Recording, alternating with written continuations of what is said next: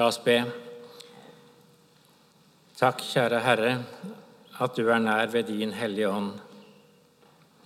Og vi ber at du åpner ordet for oss og lar oss bli seende. Amen. Prekenteksten for i dag den står i Lukasevangeliet, kapittel 18, vers 35-43. Da Jesus nærmet seg Jeriko, satt en blind mann ved veien og tigget. Mannen hørte at det var mye folk på veien, og han spurte hva som sto på. De svarte ham, 'Jesus fra Nasaret kommer forbi.' Da ropte han, 'Jesus, du Davids sønn, ha barmhjertighet med meg.' De som gikk foran, snakket strengt til ham og ba ham tie. Men han ropte bare enda høyere, Du Davids sønn, ha barmhjertighet med meg. Jesus stanset og ba, den blinde, ba om at den blinde skulle føres til ham. Da han kom nærmere, spurte Jesus ham, Hva vil du at jeg skal gjøre for deg? Han svarte, Herre, la meg få synet igjen. Jesus sa til ham, Bli seende. Din tro har frelst deg. Straks kunne han se, og han ga seg i følge med Jesus og lovet Gud. Og hele folkemengden som så dette, lovpriste Gud. Denne mannen som vi her hører om, han er navnløs. Men i Markus-parallellen til den teksten så kalles han Bartimeus. Og det er vel en som alle som i alle fall har mindre barn, har hørt om. For alle leser barnebøker om Bartimeus. Denne Bartimeus satt ved veikanten i sitt stummende mørke. Han var vant til å høre at folk gikk forbi. Og da pleide han å spørre om å få noen småmynter til livets opphold. Denne dagen merket han imidlertid at det var veldig mange mennesker på veien. Og uten å kunne henvende seg til én spesiell, så roper han ut i luften Hvem er Hva er det som foregår? Og så fikk han høre Jesus fra Nasaret kommer forbi. Kommer forbi. Forbi betyr det at han bare passerer. I den tidligere norske bibeloversettelsen så var dette kanskje enda mer nærliggende, for der het det de svarte at det var Jesus fra Nasaret som gikk forbi gikk forbi. Ut fra det vi ellers kan lese i teksten om denne blinde, så forstår vi at han må ha hørt om Jesus tidligere. Jesus var en person som det gikk rykter om. Noen kunne fortelle at um, lamme gikk, at spedalske ble rene, ja, og til og med blinde ble seende etter et møte med Jesus. Andre fortalte at kanskje han var Davids sønnen, at han var den ventede Messias, og de hadde store forventninger til ham. I en preken over denne teksten så sier Luther at det som fortelles om den blinde, viser at han trodde ut fra det han hadde hørt. Slik som all tro skapes, den skapes av det som fortelles om Jesus. Han trodde åpenbart på Jesus i en eller annen form. Men så erfarte han altså noe som kunne være veldig leit for denne blinde mannen. Han hørte at Jesus gikk forbi.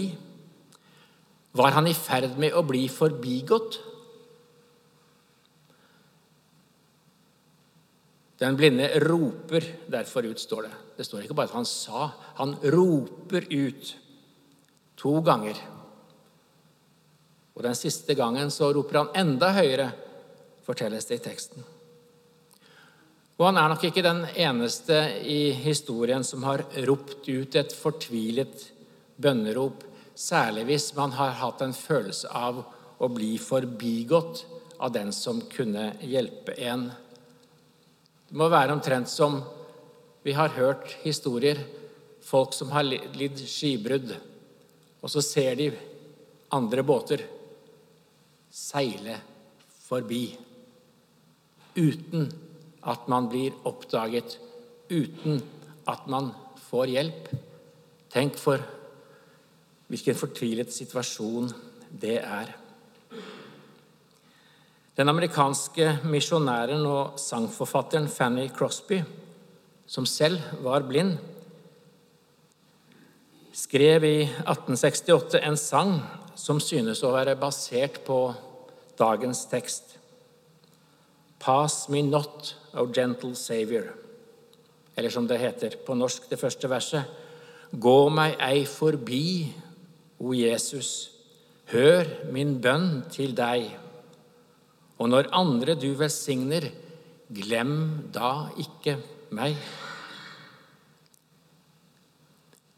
Jesus gikk ikke forbi den blindes gjentatte bønnerop.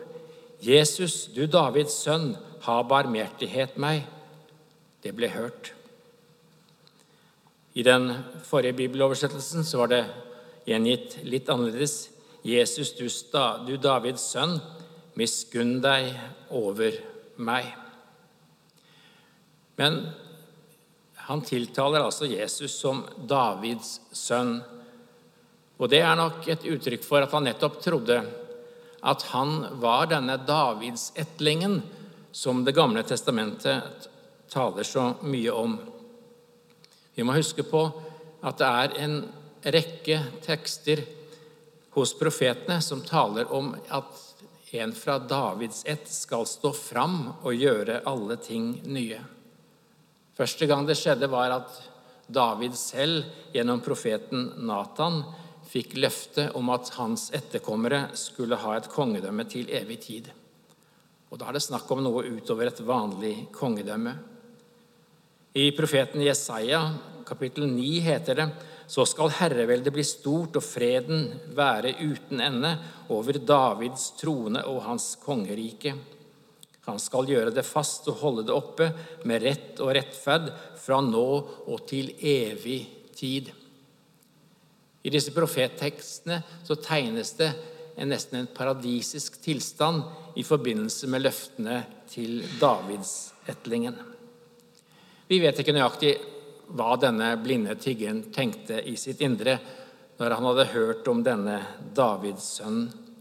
Men han trodde åpenbart at han kunne gjøre noe som vanlige mennesker ikke kunne gjøre. Derfor var han ikke villig til å høre på de som sa 'ti stille'. Han ropte, og han ble hørt. Jesus stanset og spurte den blinde, hva vil du jeg skal gjøre for deg? Det er en av kirkefedrene som heter Kyrill av Alexandria, som stiller et ja, nærmest betimelig spørsmål til denne teksten. Visste ikke Jesus egentlig hva den blinde ville? Jo da, sier Kyrill. Han visste det, men Jesus spurte for at denne mannen skulle få svare, og alle de som sto rundt ham, få høre hva han egentlig ba om. Hva var det han søkte, denne blinde? Han er jo en tigger, og det mest nærliggende ville jo være å tigge om penger. Kanskje han kunne tenke at denne davidsetlingen måtte være en rik mann som kunne gi han en betydelig porsjon av penger som han vanligvis bare fikk eh, små mynter av. Men det var jo ikke det han ba om. Han ba om noe som vanlige mennesker ikke kan gi, bare Gud. Han ba om en kraftgjerning, en guddommelig kraftgjerning, som viser at han trodde at Jesus var noe helt uvanlig. Derfor sier han altså, 'Herre, la meg få synet igjen'. Har dere lagt merke til Jesu veldig korte svar? Han sier bare 'bli seende'. På gresk er det faktisk bare ett eneste ord, dette her. Det minner om ordene vi kjenner fra skapelsesberetningen. Gud sa 'bli lys', og det ble lys. På tilsvarende måte var Jesu ord skapende ord. Som det heter i teksten, straks kunne han se. Det Jesus sa, det ble virkelighet. Men Jesus sa også noe mer til tiggeren. Din tro har frelst deg. Ja, hvordan hadde han vist sin tro, da? Ja, ganske enkelt ved å henvende seg til Jesus i sin nød. Og Dette sier oss noe helt grunnleggende om hva tro er for noe. Jesus roser denne mannens tro, og det eneste han har gjort, er å komme til Jesus i sin nød, i tillit til at han kan gi det han trengte. Og slik er egentlig troens karakter det er å komme til Jesus med det vi selv ikke makter å gjøre noe med. Og Evangeliene inneholder mange beretninger om slike møter. Beretninger om mennesker som kommer med en bønn til Jesus. Og ofte er bønnen formulert omtrent som i forbindelse med denne blinde tiggeren. Jeg skal bare nevne et par eksempler. I Matteus 15 så fortelles det om en kanoneisk kvinne, altså en ikke-jødisk kvinne, som roper til Jesus, 'Herre, du Davids sønn, miskunn deg over meg.' Eller i andre oversettelser, 'Du Davids sønn, ha barmhjertighet med meg.' I Matteus 17 fortelles det om en mann. Han falt på kne for Jesus, står det, og sa, 'Herre, forbarm deg over sønnen min. De to første ordene i denne siste bønnen det lyder slik på gresk Kyrie eleison. Og Selv om dere ikke kan så mye gresk, så regner jeg med at det kan dere faktisk. For dette har dere sunget. Dette er to greske ord som brukes av kristne over hele verden. Det er kanskje noe av de mest kjente greske ord som finnes. Kyrie det er tiltaleformen av Kyrios, som betyr herre. Og eleison er da en form av et verb som betyr forbarme deg, ha barmhjertighet med meg, eller i mer høytidelig språk miskunn deg, ha miskunn, ha barmhjertighet med meg. Denne korte teksten, Kyrie eleison, Herre, forbarme deg, det er kjernen i alle de tre bønnene som jeg siterte. Og jeg tenker på sett og vis at dette er den mest grunnleggende bønn vi mennesker kan be. Den sier nemlig noe helt fundamentalt om oss og om ham som vi ber til. Det er vel dessverre sånn at når vi ber bønner, og spesielt kanskje i en gudstjeneste hvor vi bare sitter og lytter og noen ganger ber sammen, alle sammen, at vi ikke tenker så nøye over hva hvert ord vi ber, egentlig betyr.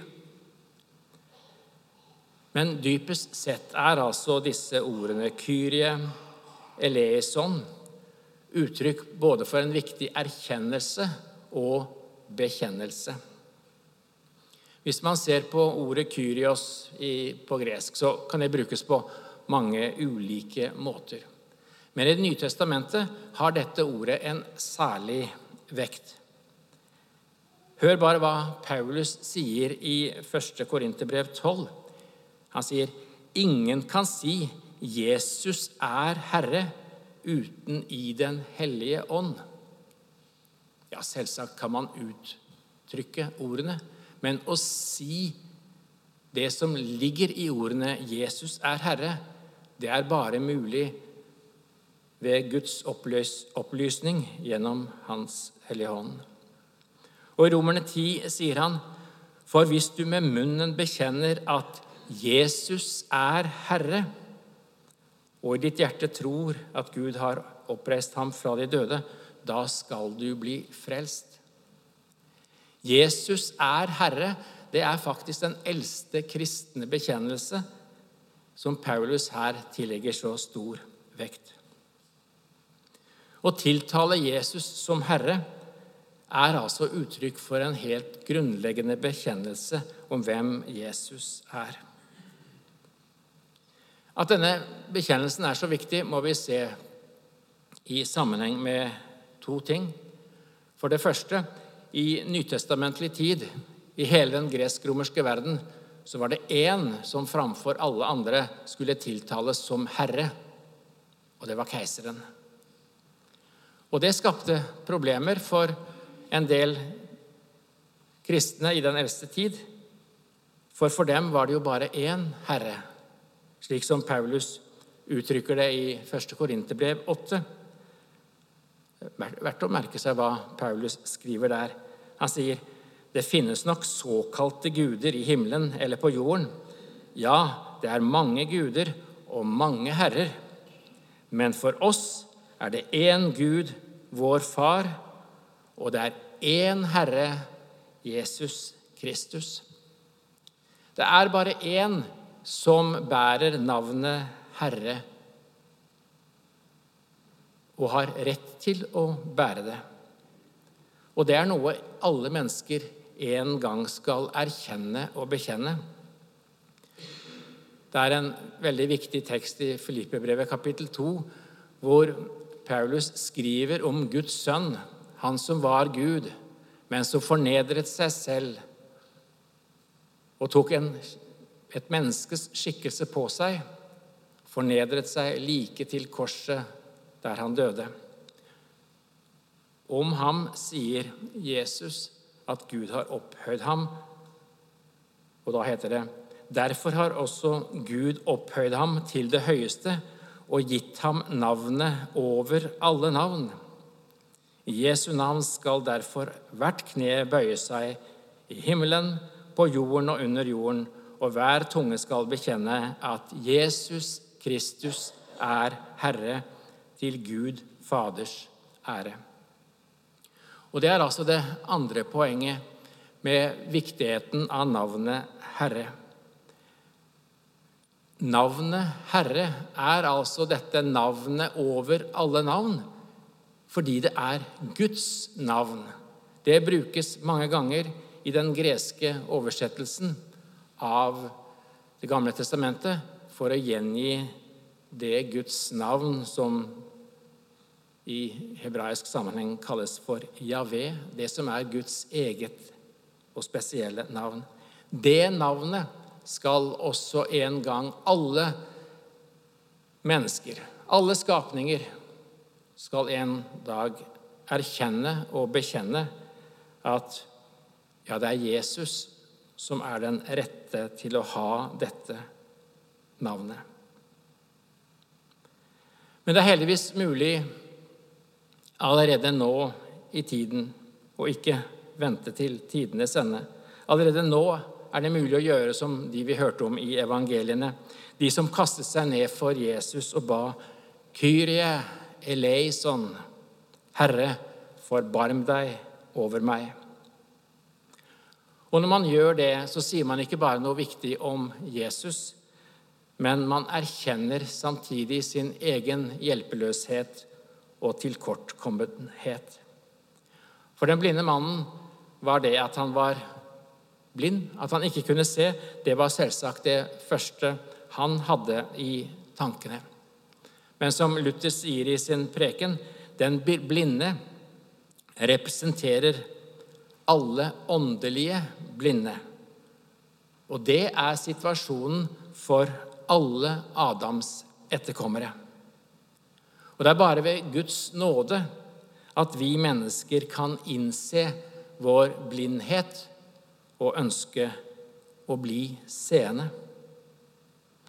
Da, når vi ved Guds nåde kommer dit, ja, da kan vi også gjenta den blinde tiggerens bønn. Herre, forbarm deg over meg.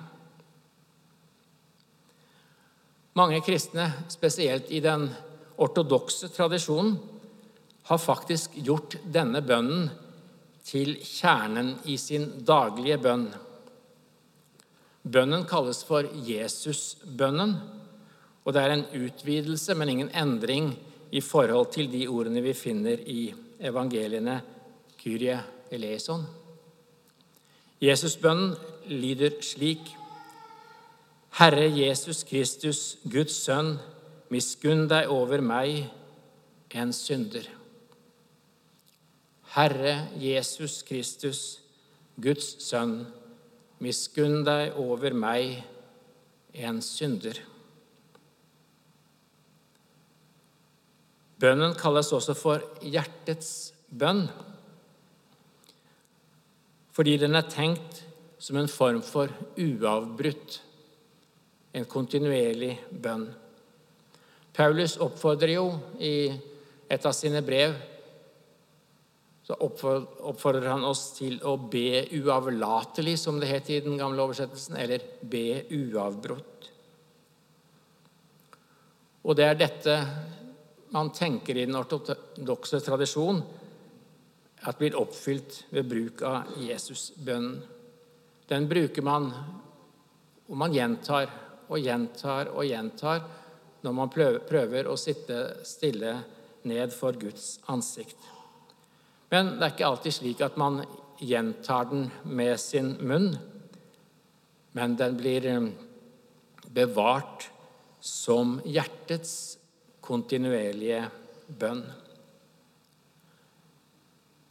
Og denne bønnen som når vi bruker den i gudstjenesten. Nå bruker vi den ikke så ofte lenger, men i eldre tid så brukte man den iallfall. Kyrie eleison. Ja, det høres bare ut som noen ord som kan passere. Men hvis man tar på alvor det som sies der, så er jo dette en meget dypt personlig bønn. Miskunn deg over meg. Forbarm deg over meg meg. Jeg trenger din miskunn og barmhjertighet, for jeg er en synder.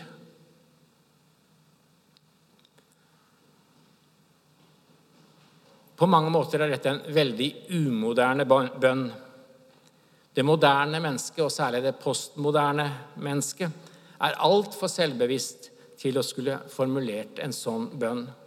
Man vil klare seg selv, og i alle fall ikke erkjenne at man er avhengig av noe utenfor seg selv. For bare det å rette en bønn til Gud Fader eller til Herren Jesus Kristus, ja, det er jo en bønn som viser at man er avhengig av noe større enn en selv. I Lukas 18, i det samme kapitlet som prekenteksten vår er hentet fra, forteller Jesus en lignelse om to menn som gikk opp til tempelet. Den ene var toller, og den andre var fariser. Dere husker sikkert historien. Hvordan fariseeren fremhevet seg selv i forhold til alle de som eh, var dårligere enn han, iallfall i egne øyne. Han var ikke av dem som svindlet, han var ikke av dem som gjorde urett. Han brøt ikke ekteskapet, og han var slett ikke som den tolleren som sto på tempelplassen sammen med ham. Tolleren derimot hadde ingenting å vise til, ingenting å skryte av. Ja, han ville ikke engang løfte blikket mot himmelen, som var vanlig når man ba i oldtiden. Han bare sa, sikkert ganske stille, kanskje mumlende, Gud, vær meg synder nådig. Han visste utmerket at han var en synder, og han visste at det var hans grunnleggende problem. Når han skulle komme fram for Gud i tempelet og be, så var det én eneste ting som lå ham på hjertet. Gud, vær meg synder nådig. Det oppsiktsvekkende i denne teksten om fariseeren og tolleren er det Jesus sier etter selve lignelsen. Da står det, 'Jeg sier dere, tolleren gikk rettferdig hjem for Gud, den andre ikke'. Ja, dette er jo oppsiktsvekkende. Her er det en mann som står åpent og bekjenner at han er en synder. Og så sies det at han er rettferdig i Guds øyne. Nå ligger ikke nøkkelen i dette at han bare har erkjent og bekjent sin synd. Man blir ikke rettferdig bare ved å erkjenne og bekjenne at man er en synder. Det avgjørende er hva man gjør med denne synden. At man bringer den fram for Gud og ber om Hans nåde og barmhjertighet. For evangeliets store hemmelighet er jo dette at Gud tilgir syndere. Paulus skriver ganske utførlig om dette i Romerne 4, der han taler om Abraham. Og så skriver han den som har gjerninger å vise til, for lønn etter fortjeneste, ikke av nåde. Men den som ikke har det, men den som tror på Ham som rettferdiggjør ugudelige, blir regnet som rettferdig fordi han tror. Ja, dette er faktisk dypest sett kjernen i hele den kristne tro. Vi tror på en Gud som rettferdiggjør ugudelige, som tilgir synder. Som jeg allerede har understreket, troen viser seg i det at man kommer til Jesus med sin synd og sier, 'Kyrie eleison, Herre, forbarm deg over meg, en synder'. Dette er en bønn som garantert blir hørt. På grunn av Jesus' soning for våre synder så blir vi rettferdiggjort. Vi som var ugudelige, urettferdige, vi kan få del i Kristi rettferdighet. Det er selve kjernen. Det er det som Luther kaller det salige byttet. Kristus tar vår synd og skyld på seg, og vi får del i hans rettferdighet. På den måten viser Jesus sin barmhjertighet. Så når vi kommer på samme måte som tiggeren og ber 'Forbarm deg over meg', 'Ha barmhjertighet med meg', 'Miskunn deg over meg', så gjør vi jo det fordi Gud i sitt ord har åpenbart at Jesus Kristus er den som viser rettferdighet og viser nåde. Vi ber ikke om at Jesus skal bli barmhjertig eller bli en miskunnelig person. Nei, han er det allerede. Og nettopp fordi Herren er barmhjertig, så kan vi åpent og uten redsel komme til ham og fortelle hva som ligger oss på hjertet, og ikke være redd for å si at vi er syndere. Den blindes bønn ble hørt. Straks kunne han se, står det. Og hva var så hans reaksjon på dette? Jo, den er todelt. For det første står det han ga seg i følge med Jesus. Eller litt mer ordrett kunne vi oversette. Han fulgte Jesus. Det betyr han ble en disippel. Og for det andre står det han lovpriste Gud. Og dette er den naturlige reaksjon i møte med den barmhjertige og nåderike Jesus Kristus. Det er å lovprise Gud for at han har sendt sin sønn til soning for våre synder.